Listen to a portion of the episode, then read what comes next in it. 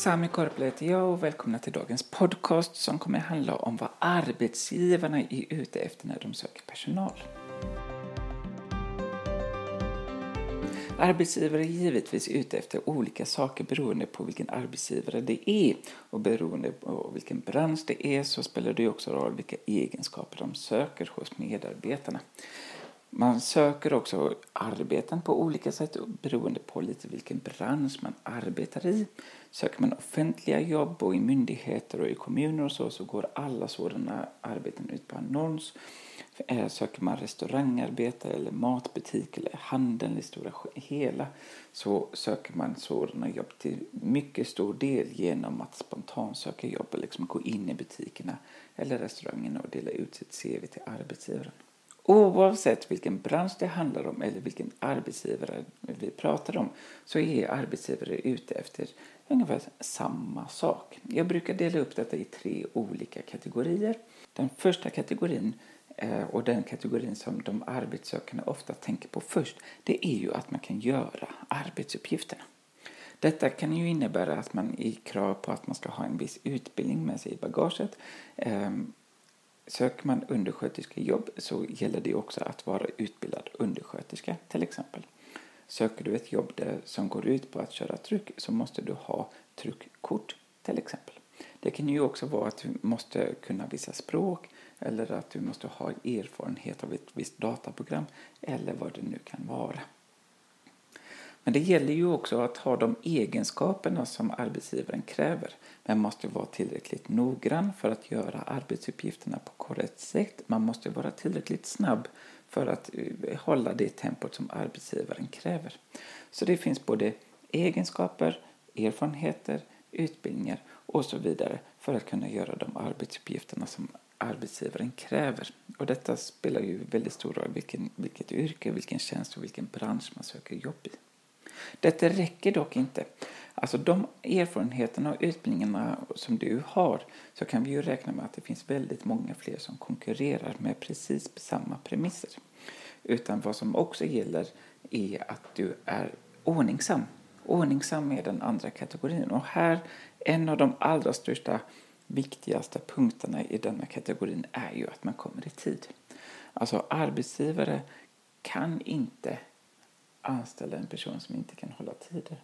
Alltså man måste vara på plats vid ett visst tidpunkt, man måste göra sakerna på ett visst sätt. Men det gäller ju också att man är ganska strukturerad och att man är ordningsam, att man inte slarvar med sina grejer överallt utan man har ordning och reda på sina liksom, verktyg till exempel, där man arbetar. Den tredje kategorin, och den som vi kanske ska prata om mest idag, det är ju att man är social. Social innebär att allt ifrån att man gillar att vara med chefen och medarbetaren, att man säger god morgon på morgonen, att man sitter och äter lunch med de andra medarbetarna och att man blir en person i teamet.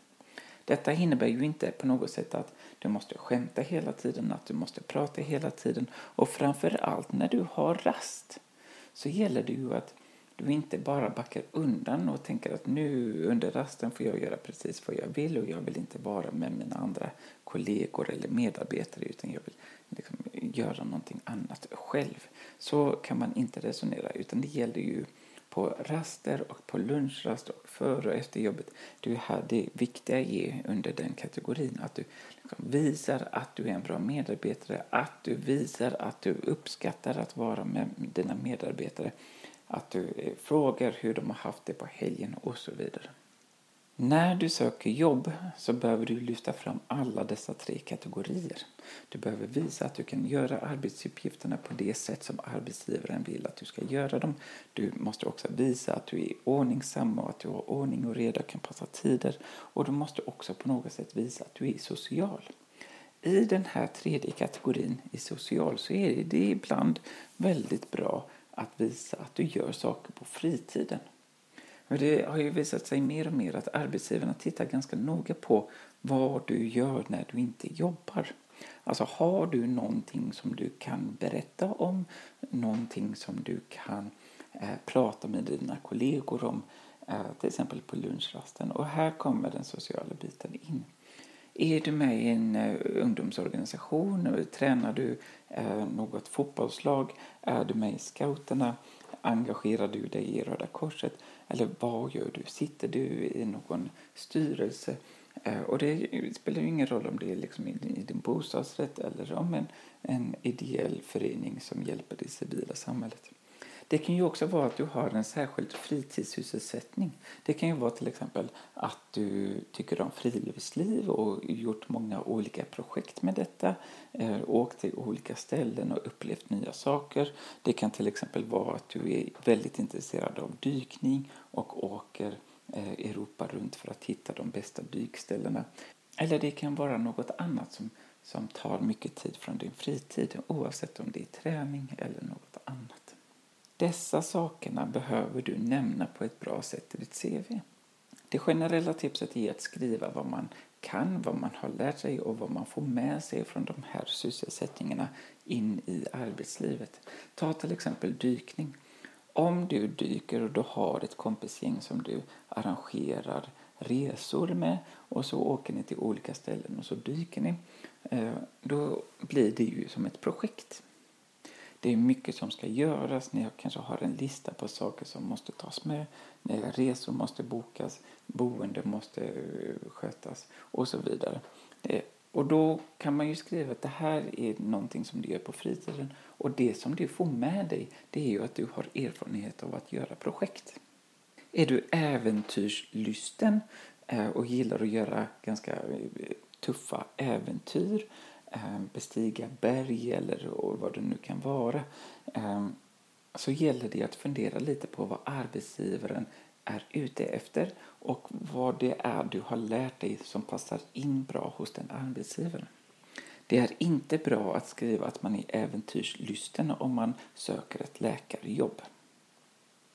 Det kan däremot vara väldigt bra att skriva att man är väldigt lugn i stressade situationer och att det är någonting som man har övat sig på i och med att man är äventyrslusten och gör de här galna projekten. Det är ju en bra egenskap när man söker läkarjobb.